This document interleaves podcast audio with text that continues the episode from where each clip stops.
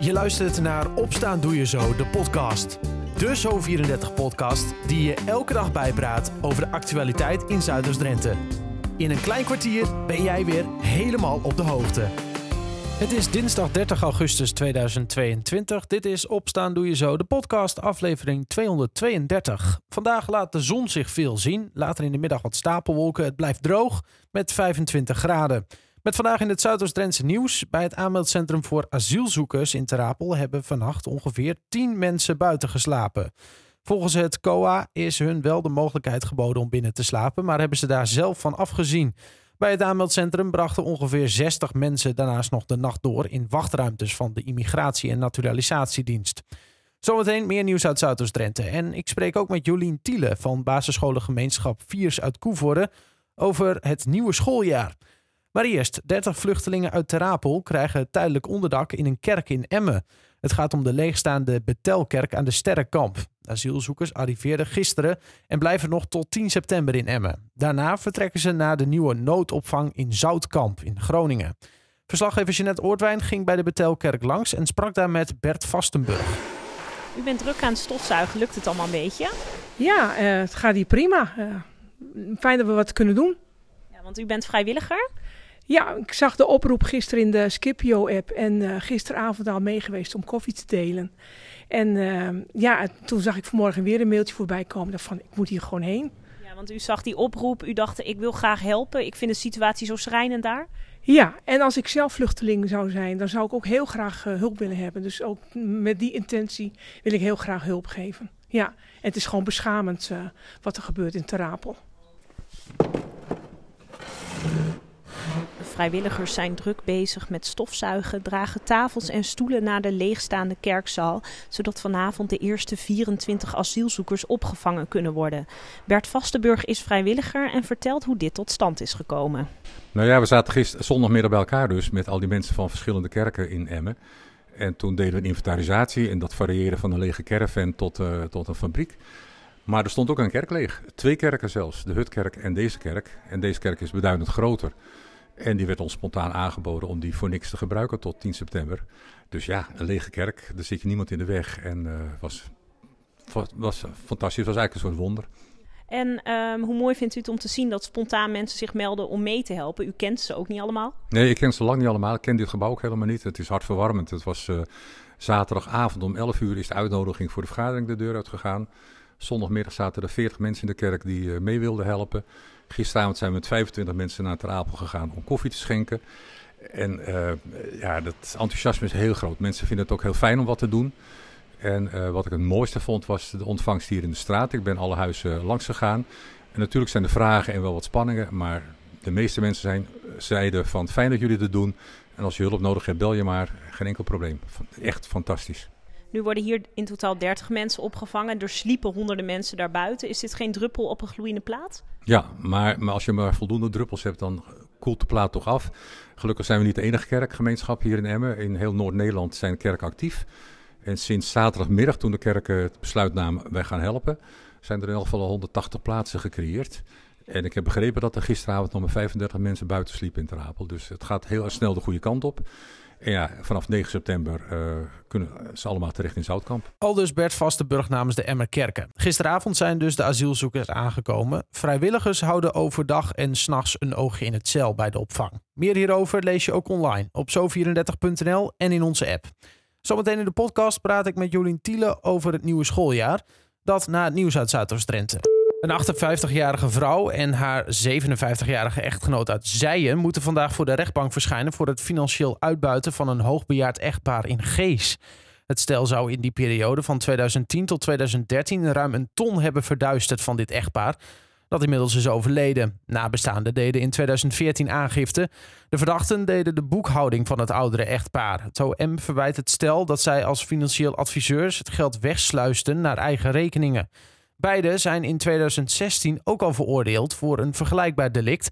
Toen werden ze veroordeeld tot anderhalf jaar cel. Bij het aanmeldcentrum voor asielzoekers in Ter Apel hebben ongeveer 10 mensen de nacht buiten doorgebracht. Volgens het COA is hun wel de mogelijkheid geboden om binnen te slapen, maar hebben ze daarvan afgezien. Bij het aanmeldcentrum brachten ongeveer 60 mensen verder de nacht nog door in wachtruimtes van de Immigratie- en Naturalisatiedienst. Het COA meldt dat een deel van de mensen die een nacht eerder in diverse crisisnoodopvanglocaties hebben geslapen, gisteren alsnog terecht konden op de opvanglocatie in Terapel.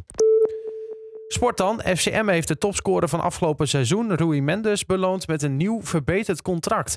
De 22-jarige Portugees, die een contract had tot het einde van dit seizoen en daarbij een optie voor nog een jaar, tekende gisteren een nieuwe verbintenis tot de zomer van 2025, met opnieuw daarin een optie voor een extra seizoen. Mendes is een vaste waarde in de ploeg van Dick Lukien. De teller staat inmiddels op 42 officiële duels, waarin hij 18 keer scoorde. En nog meer FCM nieuws, want op het randje van de transfer window lijkt het erop dat Emma haar tiende zomerse aanwinst gaat presenteren. Het gaat om Ahmed El Messaoudi. De 27-jarige Marokkaans-Belgische middenvelder komt transfervrij over van Gaziantepspor.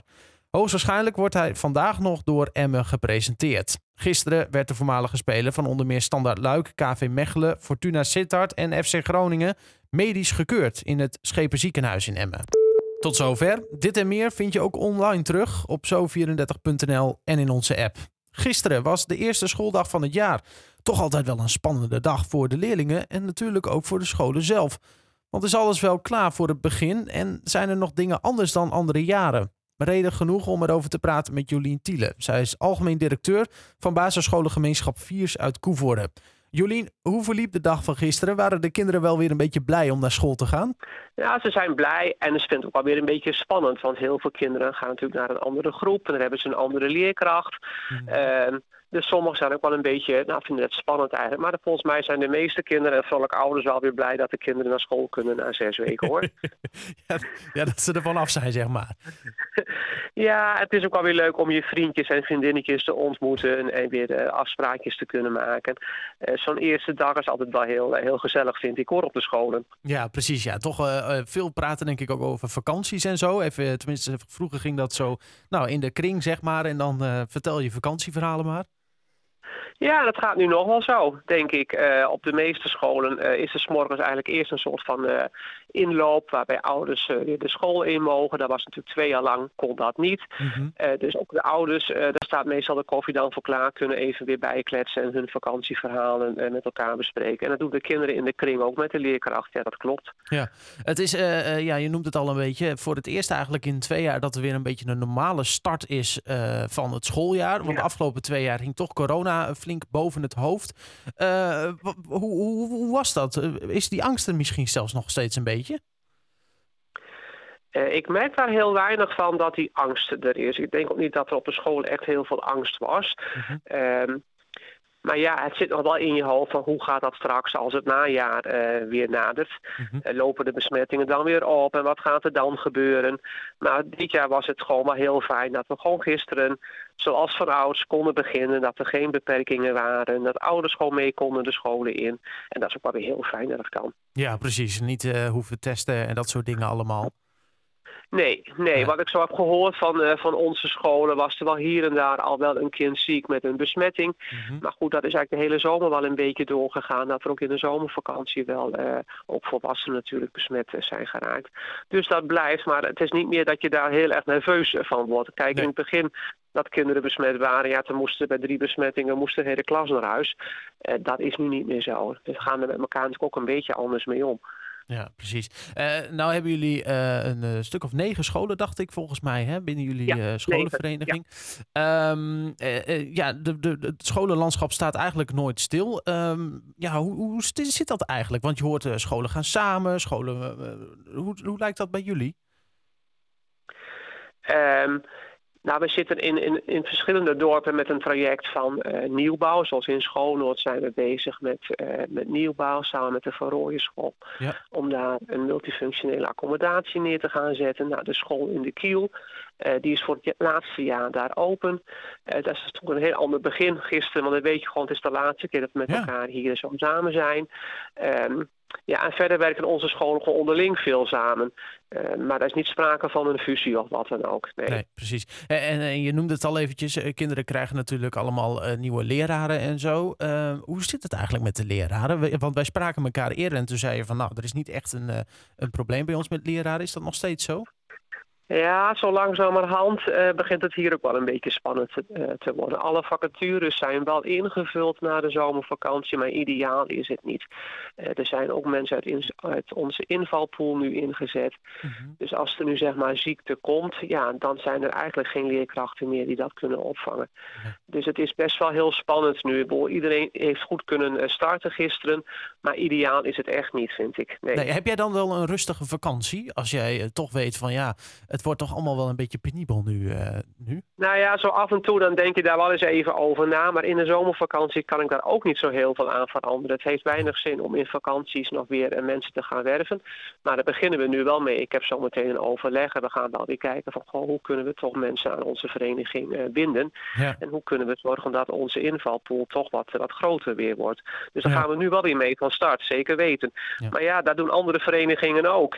Um, dus gewoon de vijver waar we in we vissen is gewoon heel, uh, ja, helemaal opgedroogd zo langzamerhand. Ja, en dat is, lijkt me toch wel een, uh, toch wel een probleem voor op de, nou in ieder geval de, de korte, middellange termijn. Ja, dus met elkaar moeten we ook gewoon zoeken van ja, wat zijn dan andere mogelijkheden? Hoe kunnen we ons onderwijs misschien anders inrichten? Uh, meer gebruik maken van leraarondersteuners en onderwijsassistenten, maar misschien ook wel gewoon een heel ander onderwijsconcept gaan uitproberen. Mm -hmm. Dat zijn allemaal dingen die wel uh, door onze hoofden spelen en waar we met de directeuren op de overleggen ook wel over hebben. Ja, ja ik hoor het al en ik zei het ook al, het is constant in beweging, de scholengemeenschap. Ja, ja. ja, ja zeker weten, ja. zeker weten. Ja. en, en uh, de klassengroottes, want uh, tot slot, hè, want er wordt heel veel gesproken over krimp. Maar volgens mij is de instroom weer, nou, niet als van ouds, maar... Nee, wij hebben geen last van krimp. De, ja. Dat was natuurlijk wel voorspeld. Um, maar in deze regio, volgens mij geldt dat voor meerdere scholen hoor, en meerdere verenigingen, ja. zien we juist een toename van het aantal leerlingen. Met name hier in de stad Koevoorde zien we dat. Uh, veel verhuizingen vanuit andere regio's uit Nederland naar oh. Drenthe. Um, en daardoor groeien onze scholen, ja. Ja, ja. en er dus nog meer leraren nodig. Nou, de problemen worden eigenlijk alleen maar groter wat dat betreft. ja, in wezen wel. In wezen Ergens wel, ben je blij met ja. meer leerlingen natuurlijk. Maar aan ja. de andere kant, uh, ja, moet je ook allemaal kunnen bedienen. Nou, nou kortom, er, er, wordt, er wordt genoeg gewerkt bij jullie. Zeker weten, zeker ja. weten. We gaan er een mooi schooljaar van maken. Ja, een mooi schooljaar wordt het vast. Voor het eerst dus weer een beetje op een normale manier begint. Maar er zijn dus nog wel wat uitdagingen. En niet alleen in Koevoorde bij Viers, maar natuurlijk ook bij andere scholen in Zuidoost-Drenthe. We volgen het allemaal voor je hier op Zo 34. Tot zover opstaan doe je zo de podcast van dinsdag 30 augustus 2022. Ik wens je een fijne dag en tot morgen.